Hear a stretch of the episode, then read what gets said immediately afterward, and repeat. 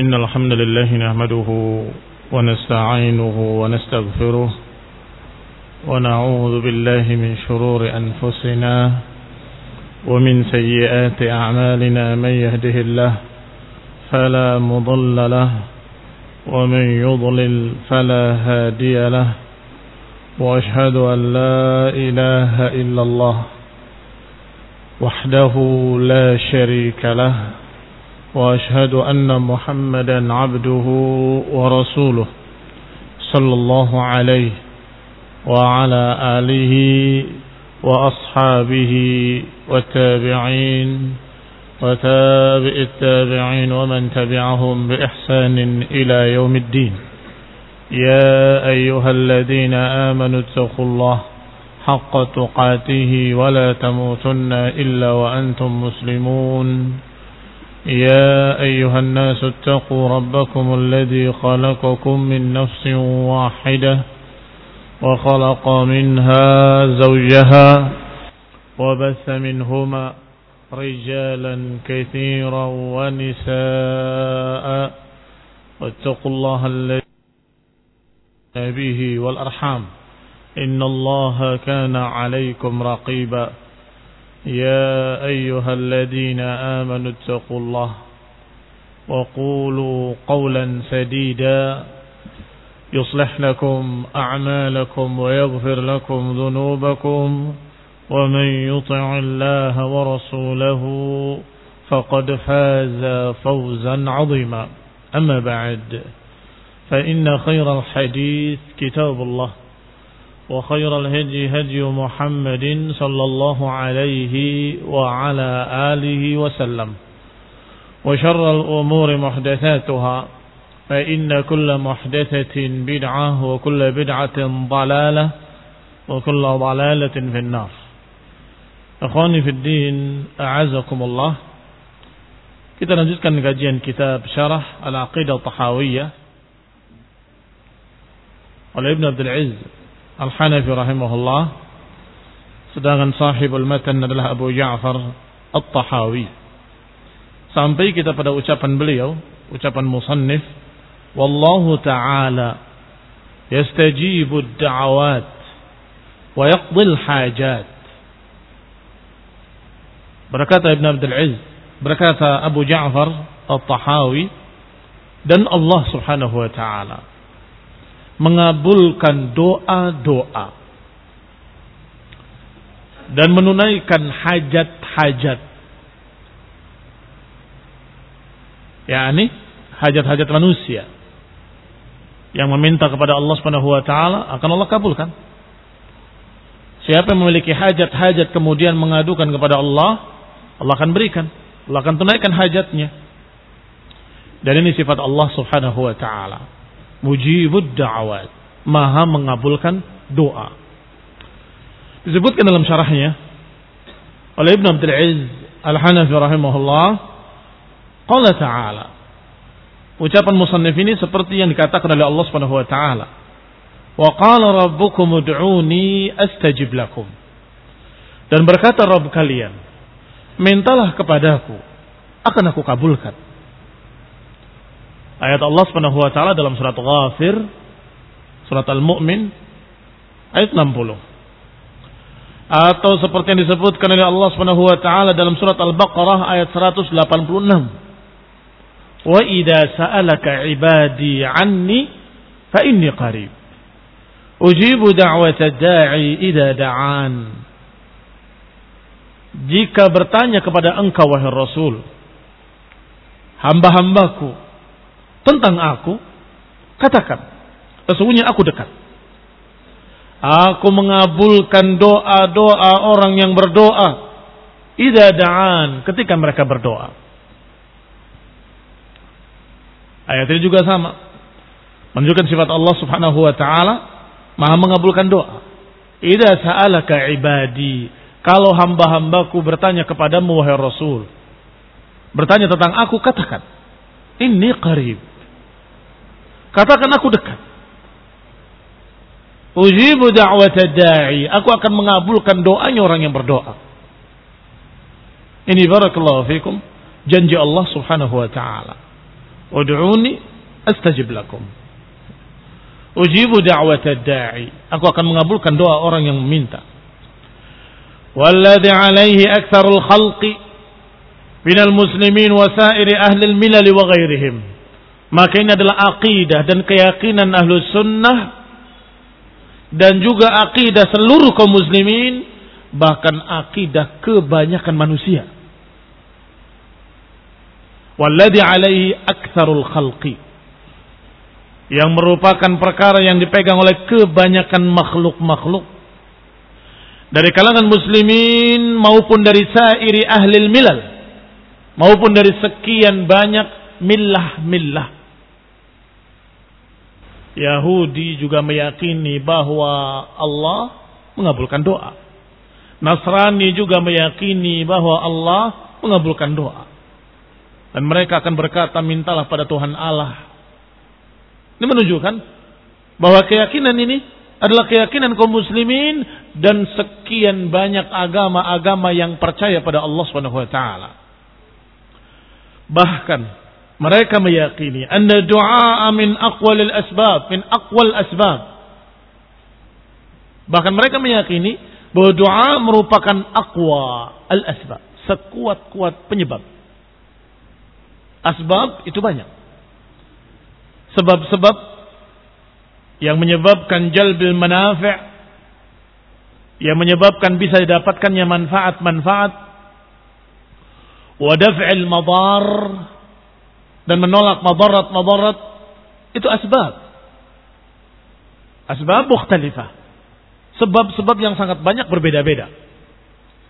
Usaha seseorang bisa mendatangkan kebaikan bisa menolak madarat. Apa yang dia punyai dari harta bendanya bisa dipakai untuk mengambil manfaat, bisa dipakai untuk menolak madarat. Tenaganya yang kuat bisa menjadi manfaat buat dia, bisa pula menolak madarat-madarat. Sekian asbab. Demikian pula berdoa merupakan penyebab didapatkannya manfaat-manfaat atau tertolaknya madarat-madarat. Ayyuha aqwa Mana yang lebih kuat dari penyebab-penyebab tadi? Dari asbab mukhtalifah tadi. Aqwal asbab ad-du'a. Sekuat-kuat sebab adalah doa. Qad akhbara ta'ala 'anil kuffar annahum idza massahum ad-durr fil bahri da'u Allah mukhlishina lahu ad-din. Allah mengkhabarkan subhanahu wa ta'ala bahwa orang-orang kafir sekalipun, musyrikin, ketika mereka tertimpa madarat, ketika mereka tertimpa madarat di lautan, mereka berdoa pada Allah Subhanahu wa taala. Mukhlisina lahuddin dengan ikhlas hanya untuk Allah agama ini. Masya Allah. Ketika di tengah lautan. Falamma najjahum ilal barri idahum yusyrikun. Tetapi ketika diselamatkan oleh Allah ke daratan, mereka kembali berbuat syirik. Artinya, hati kecil mereka tahu. Ketika mereka di tengah lautan, percuma minta pada Lata dan Uzza. Percuma minta pada batu-batu berhala atau tempat-tempat keramat. Yang mereka panggil hanya Allah subhanahu wa ta'ala. Ya Allah, ya Allah. Hati kecil mereka tahu. Kalau yang mujibud da'awat, yang maha mengabulkan doa, yang maha kuasa, yang bisa menentukan segala perkara adalah Allah Subhanahu wa taala. Itu mereka tahu. Hati, hati kecil mereka tahu. Sehingga mereka berdoanya pada Allah Subhanahu wa taala. Padahal musyrikin. Wa annal insana idza massahu ad-durru da'ahu li janbihi aw qa'idan aw qa'ima dan manusia secara umum kalau tersentuh madarat, terkena kejelekan-kejelekan, apalagi kalau sudah kepepet, yang mereka panggil Allah Subhanahu wa taala. Bahkan yang katanya ateis PKI ketika kesusahan memanggilnya ya Allah, sudah sudah fitrah di lidahnya. Ya Allah, Gimana ini? Katanya ndak ada Tuhan. Kenapa engkau panggil ya Allah? Karena hati kecilnya tetap meyakini adanya penguasa alam semesta ini yang maha menentukan. Yang maha menakdirkan. Itu hati kecilnya percaya. Berarti barakallahu fikum. Kalau ada yang tidak percaya. Berarti keterlaluan. Kalau ada aliran yang menganggap nggak perlu doa. Berarti sudah sangat keterlaluan. Mengalahkan ini kejelekannya, kekufurannya mengalahkan Yahudi, mengalahkan Nasrani, mengalahkan musyrikin, mengalahkan sekian agama. Pertanyaannya, emang ada satu aliran yang menganggap nggak perlu berdoa? Ada. Di antaranya al-mutasawwifatul juhal. Di antaranya adalah tasawuf kaum sufi yang ekstrim yang mereka menganggap Allah Maha tahu apa yang kita inginkan, nggak perlu kita minta. Gak ada faedahnya berdoa. Gak ada faedahnya berdoa. Bagaimana dengan ayat ini yang Allah perintahkan? Ud'u. Berdoalah. Ud'uni astajib lakum. Bagaimana dengan ayat Allah Subhanahu wa taala? Ujibu da'watad da'i. Mau dibuang ke mana ayat ini? Ayyuhal mutasawwifah wahai kaum sufi yang menganggap tidak perlu doa tapi kan sekelompok sufi malah banyak berdoa. Iya. Sebagian mereka beraliran hadithiyah. Sebagian mereka beraliran kalamiyah. Jadi sufi ada dua jenis.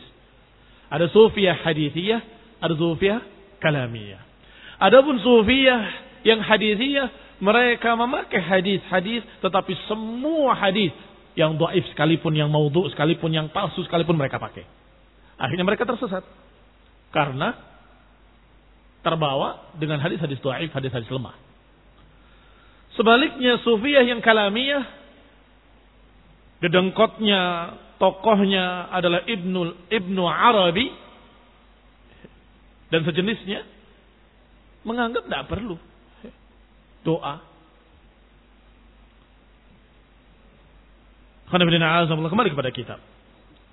Kita yakini dulu dan kita ketahui dulu bahwa ternyata keyakinan bahwa Allah Maha mengabulkan doa itu keyakinan kaum muslimin, keyakinan sekian banyak agama-agama, khususnya agama-agama samawi. Agama samawi artinya agama yang masih percaya adanya Allah Subhanahu wa taala, seperti Yahudi dan Nasrani.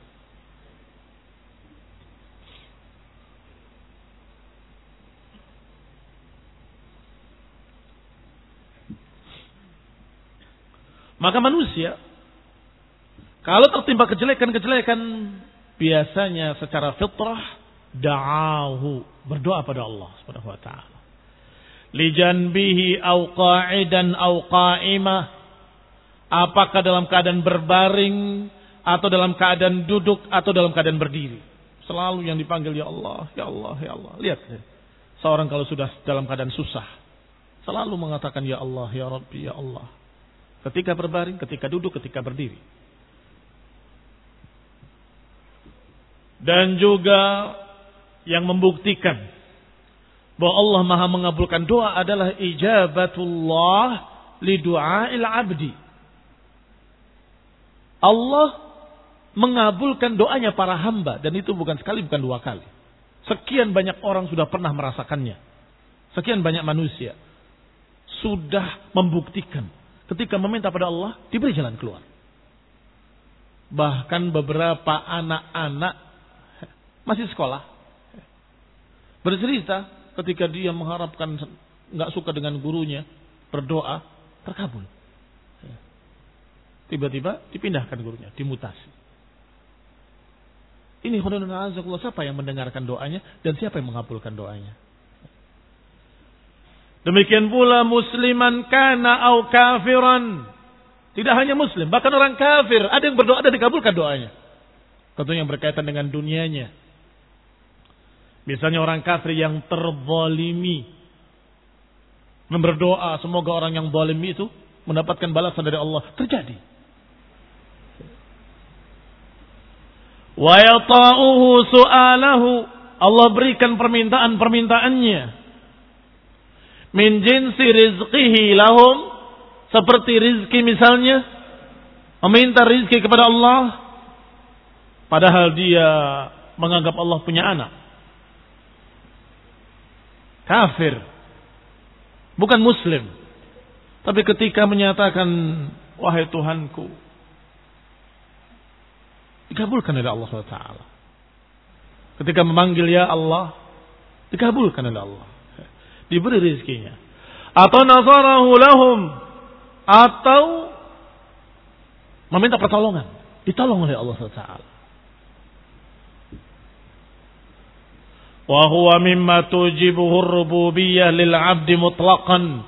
Dan ini tentunya konsekuensi dari sifat Allah rububiyah. Maha berkuasa, maha menentukan. Maka tentunya bebas bagi Allah untuk memberikan kepada siapapun yang dikehendakinya dan tidak memberikan pada yang lainnya. ثم قد يكون ذلك فتنة في حقه ومضرة عليه tetapi tidak mesti dikabulkannya doa berarti Allah sayang kepadanya. Kadang-kadang orang kafir tadi meminta kekayaan diberi oleh Allah. Tetapi sebagai fitnatan fi haqqih, sebagai fitnah atasnya. Wa madarratan alaih, justru untuk madarat memberikan kejelekan kepadanya. Dia tersiksa dengan kekayaannya, dia susah dengan kekayaannya, dia tidak bisa istirahat karena banyak perusahaannya ila akhirih. Id kana kufruhu wa fusuquhu yaqtadi dhalik.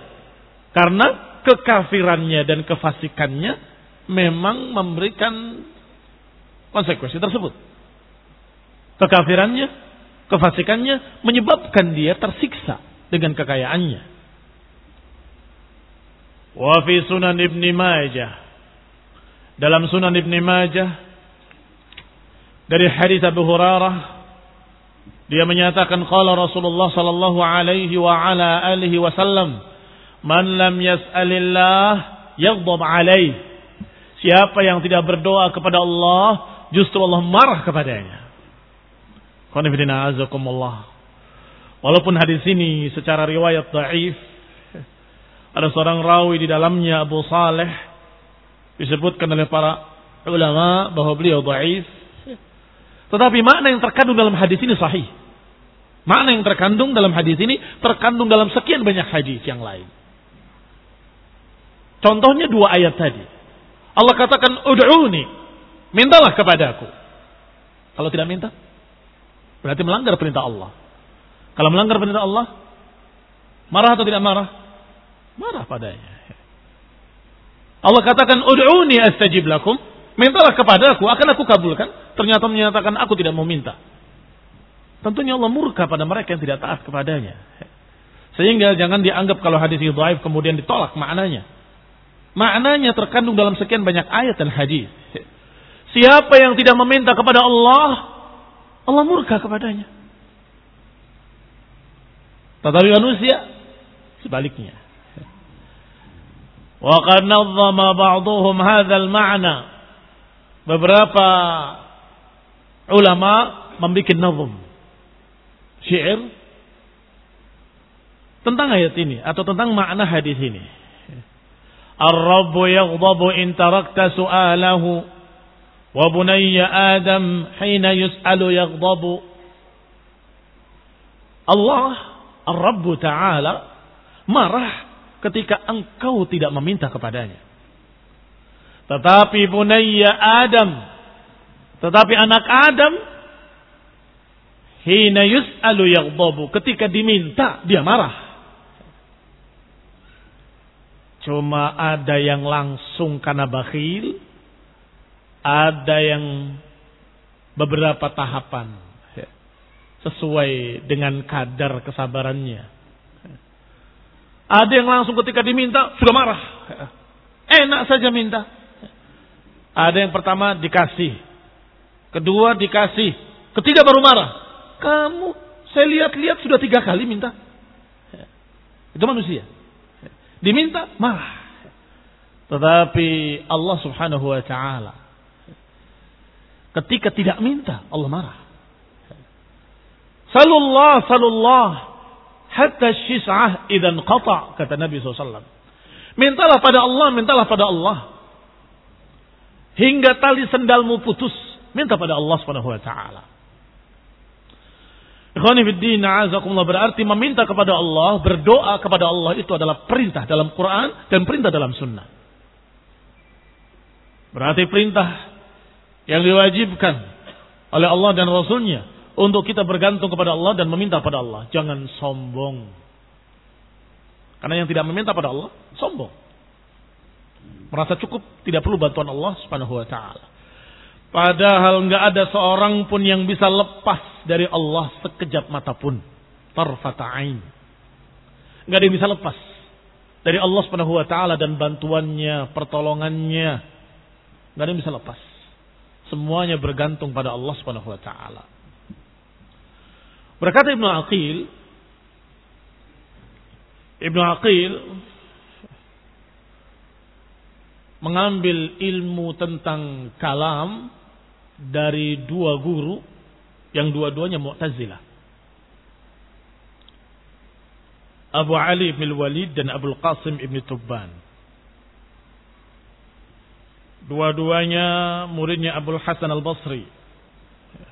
Ya bisa ditebak karena gurunya Mu'tazilah fanharafa maka pada akhir keadaannya beliau menyimpang sesat fanharafa ani sunnah akhirnya menyimpang dari sunnah demikian dalam footnote yang disebutkan Baik, beliau mengatakan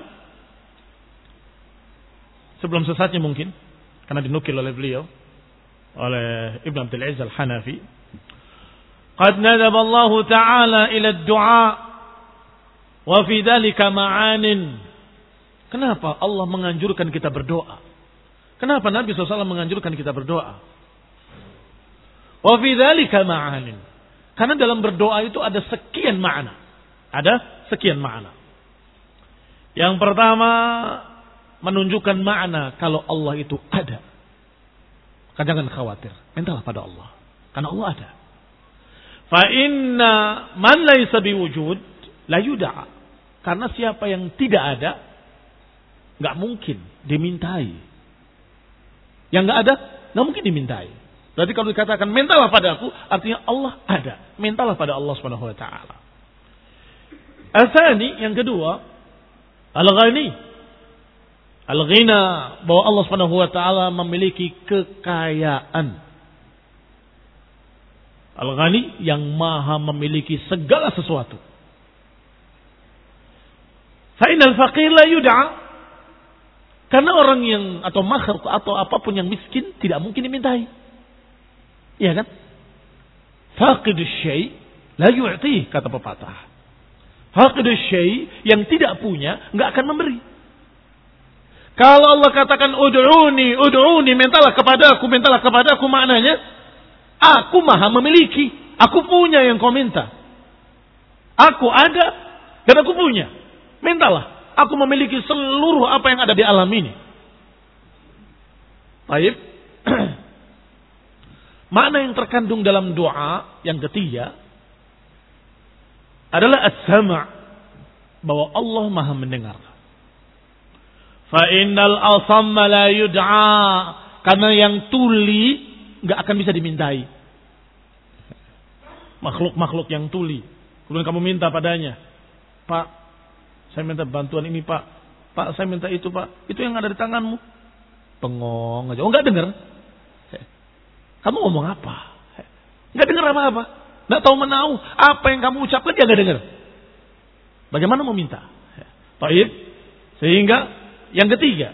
Kalimat ud'uni. Mintalah kepada aku. Itu mengkhabarkan bahwa aku mendengar doa kalian. Terkandung di dalamnya. Berita bahwa Allah maha mendengar doa kalian. Mintalah. Oleh karena itu sering diiringkan antara terkabulnya doa dengan pendengaran. Sering diiringkan. Dikatakan sami'un mujib. Allah maha mendengar dan maha mengabulkan. Artinya mendengar doamu dan mengabulkan doamu. Sering diiringkan pula dengan dekat. Karena lebih dekat, lebih mudah diminta. Sami'un qaribun mujibud da'awat. Sami'un qaribun mujibu da'awat. Terkandung pula di dalamnya makna al-karam. Bahwa Allah maha memberi. Al-karam artinya maha memberi. Fa innal bakhil la yud'a. Karena yang bakhil percuma diminta. Gak akan beri. Karena bakhil. Yang bakhil bagaimana mungkin akan diminta? Nggak akan dikasih karena dia bakhil, kedekut. Tetapi Allah Subhanahu wa taala menyatakan ud'uni astajib lakum. Maknanya Allah mengenalkan bahwa aku Maha memberi, mintalah kepadaku. Aku Maha mengabulkan doa, aku akan mengabulkan permintaan kalian.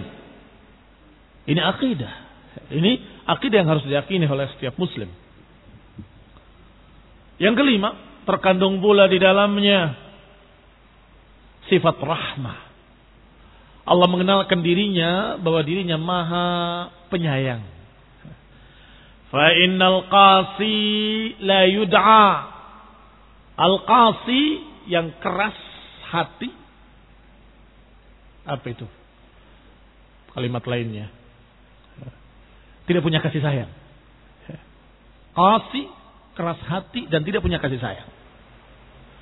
Kamu merengek, kamu meminta, kamu menangis sekalipun dia nggak kasihan sama sekali. Itu kasih namanya. Allah tidak demikian. Allah maha rahmah, maha pengasih, maha penyayang. Maka kamu kau meminta kepadanya, merengek apalagi disukai, apalagi dengan tetesan air mata, Allah akan kabulkan. Karena Allah sayang. Allah memiliki rahmah. Dan Allah arhamur rahimin.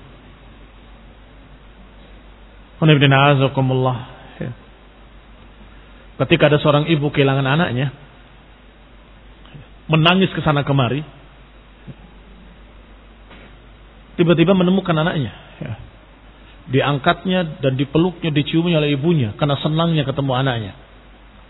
Kata Nabi SAW kepada para sahabatnya, lihat ibu itu pada anaknya. Apakah mungkin dia melemparkan anaknya ke dalam api? Tidak mungkin ya Rasulullah. Kehilangan segitu aja menangis. Mencari ke sana kemari. Begitu ketemu diambilnya, diangkatnya, dipeluknya, diciuminya. Apakah mungkin? Akan dilemparkan dalam api? Tidak mungkin ya Rasulullah. Allah subhanahu wa ta'ala. Lebih rahmah kepada kalian daripada ibu itu pada anaknya. Ibu tadi punya rahmat pada anaknya. Punya kasih sayang pada anaknya. Allah arhamur rahimin. Allah maha penyayang lebih daripada ibu tadi terhadap anaknya. Lihat ikhwan ibn a'azakumullah. Maka jangan ragu-ragu. Jangan su'udhan. Mintalah pada Allah subhanahu wa ta'ala. Karena ada yang ragu-ragu. Percuma lah gak akan Allah kasih. Sudah sudah su'udhan. Sudah berburuk sangka pada Allah subhanahu wa ta'ala. Percuma lah. Udah minta juga gak dikasih. Allah arhamur rahimin. Maha penyayang, maha pengasih. Minta pada Allah SWT. Asadis.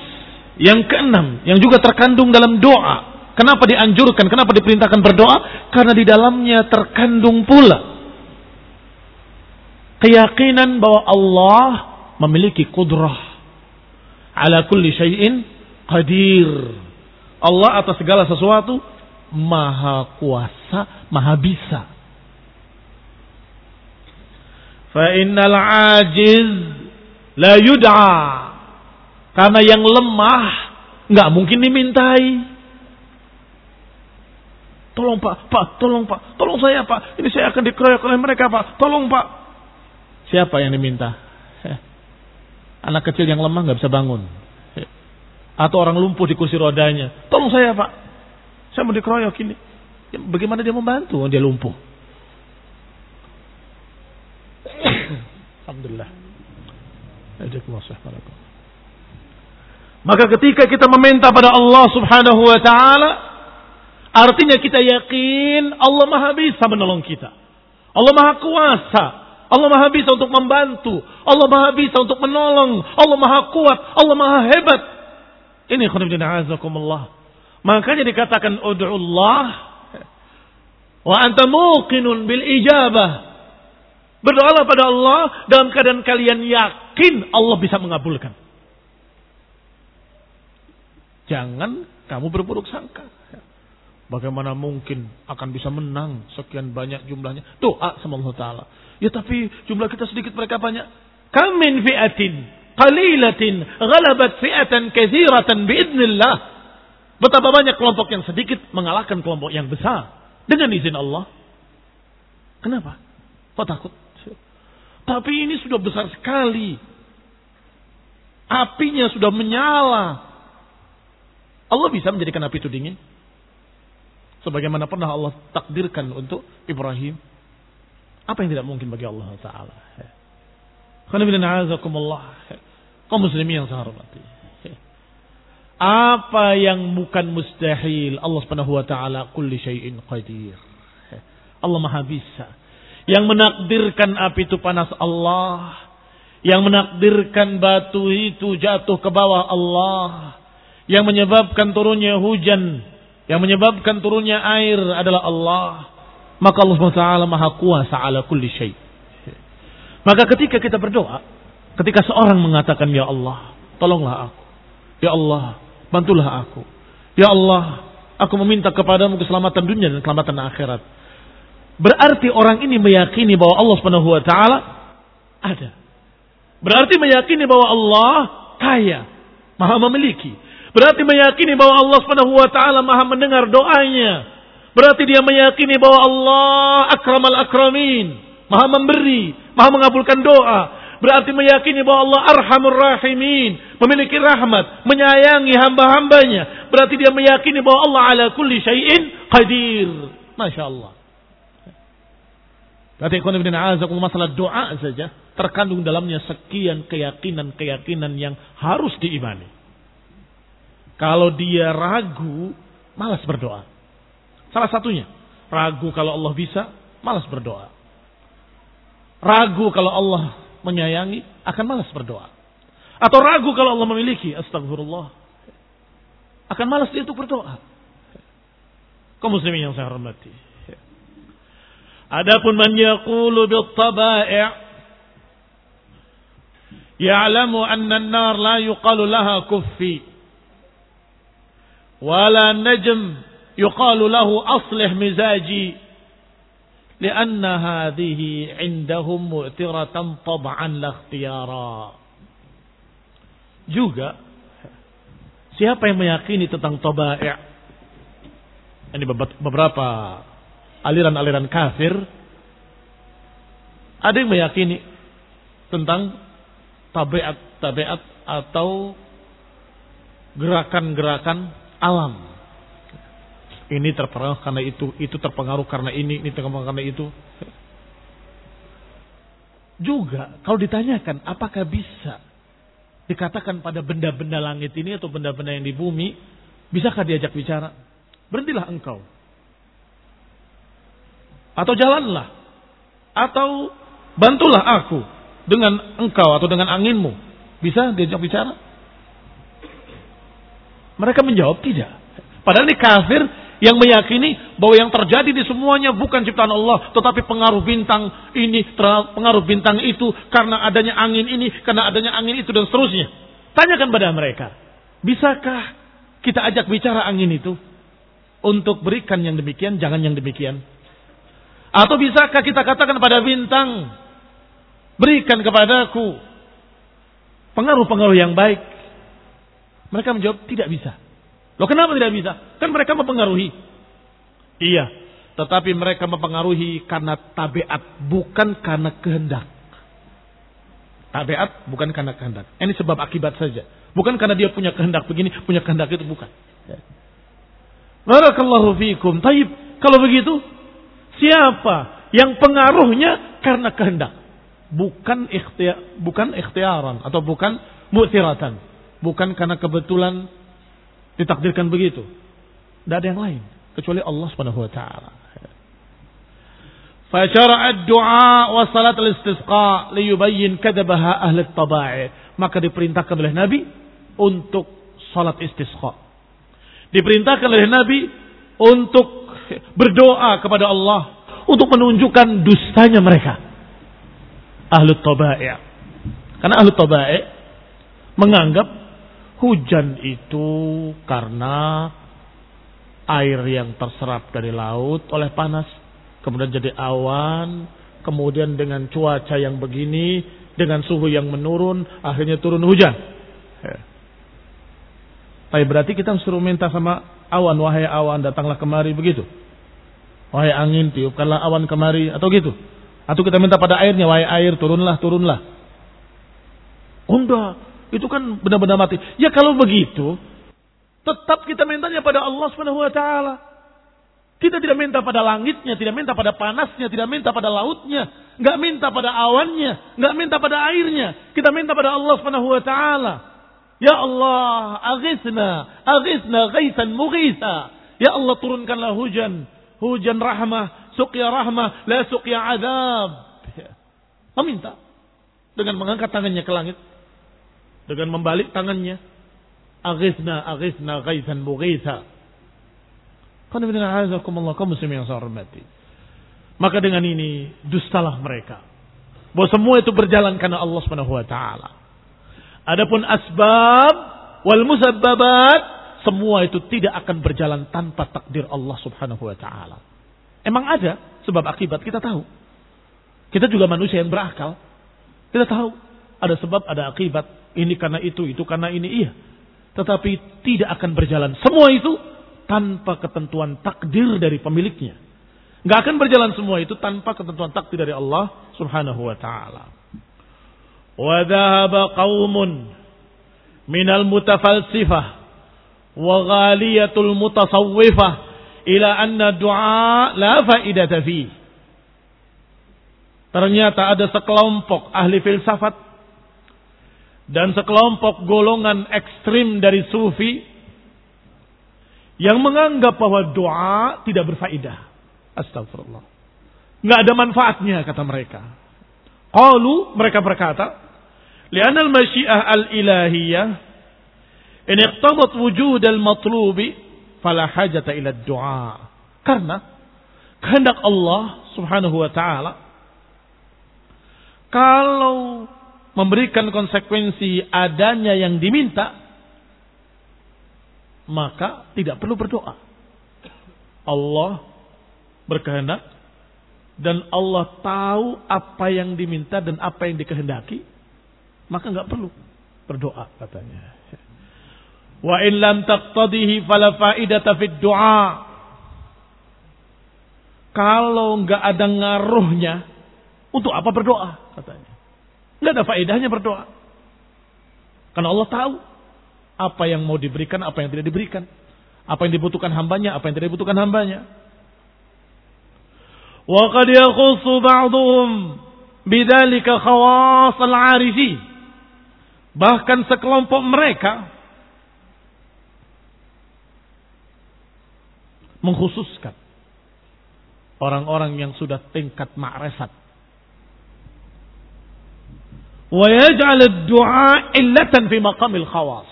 Kata mereka, mereka jadikan doa itu sebagai kelemahan. Illatan itu cacat. Fi maqamil khawas.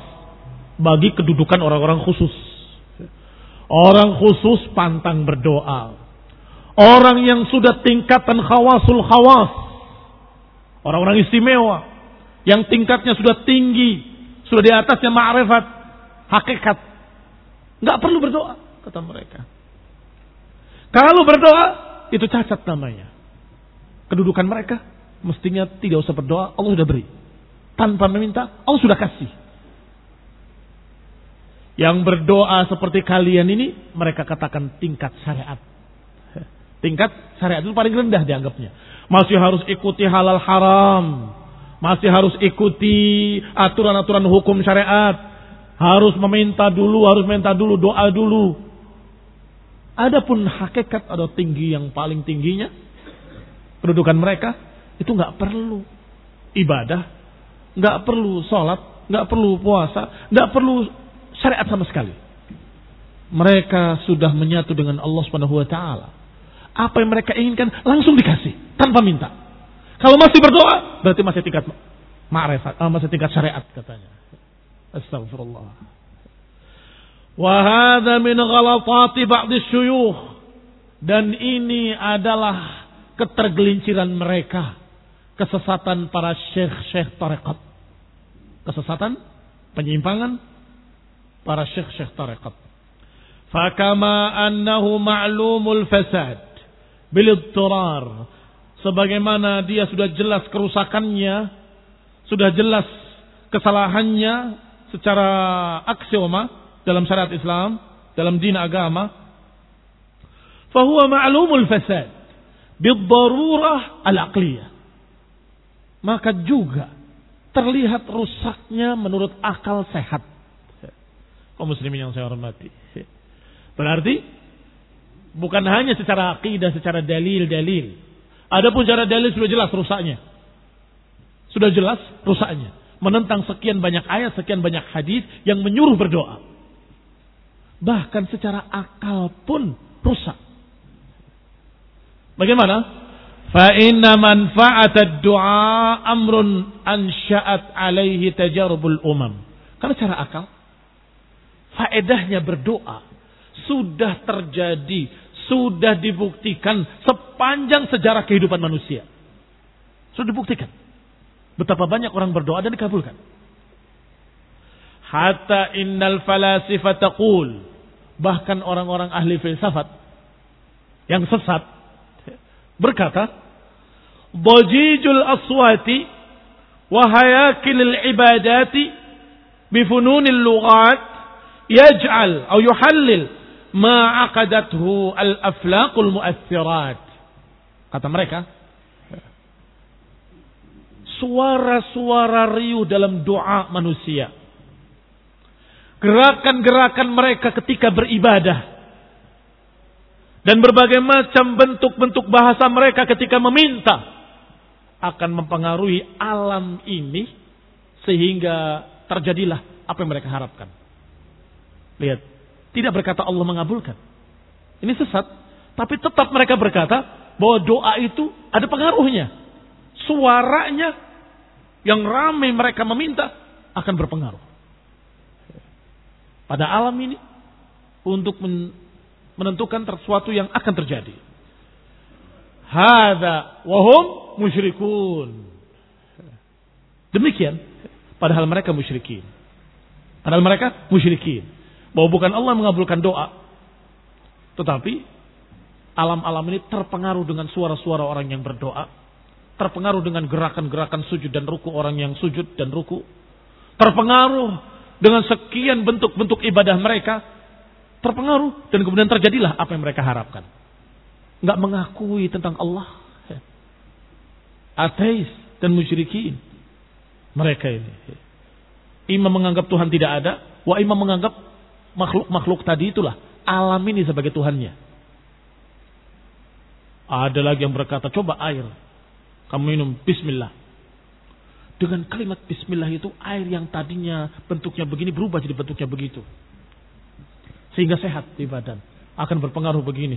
Kami sudah teliti di laboratorium yang ilmiah. Bentuknya menjadi segi enam, yang tadinya segi begini, segi begitu. Alah, kebanyakan teori. Tetapi ala kulli hal menunjukkan kalau doa tadi berfaedah atau tidak berfaedah. Berfaedah. Hatta haula'il musyrikun. Mereka-mereka kaum filsafat yang membahasnya dari segi itu. Itu menunjukkan kalau doa tadi berpengaruh dan ada faedahnya. Berarti mereka ini benar-benar batil ucapannya. Yang mengatakan tidak berfaedah berdoa.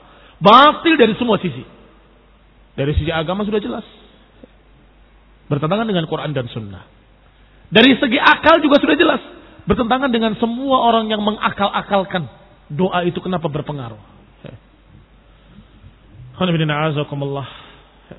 Demikianlah keadaan mereka yang ekstrim menganggap doa tidak berfaedah.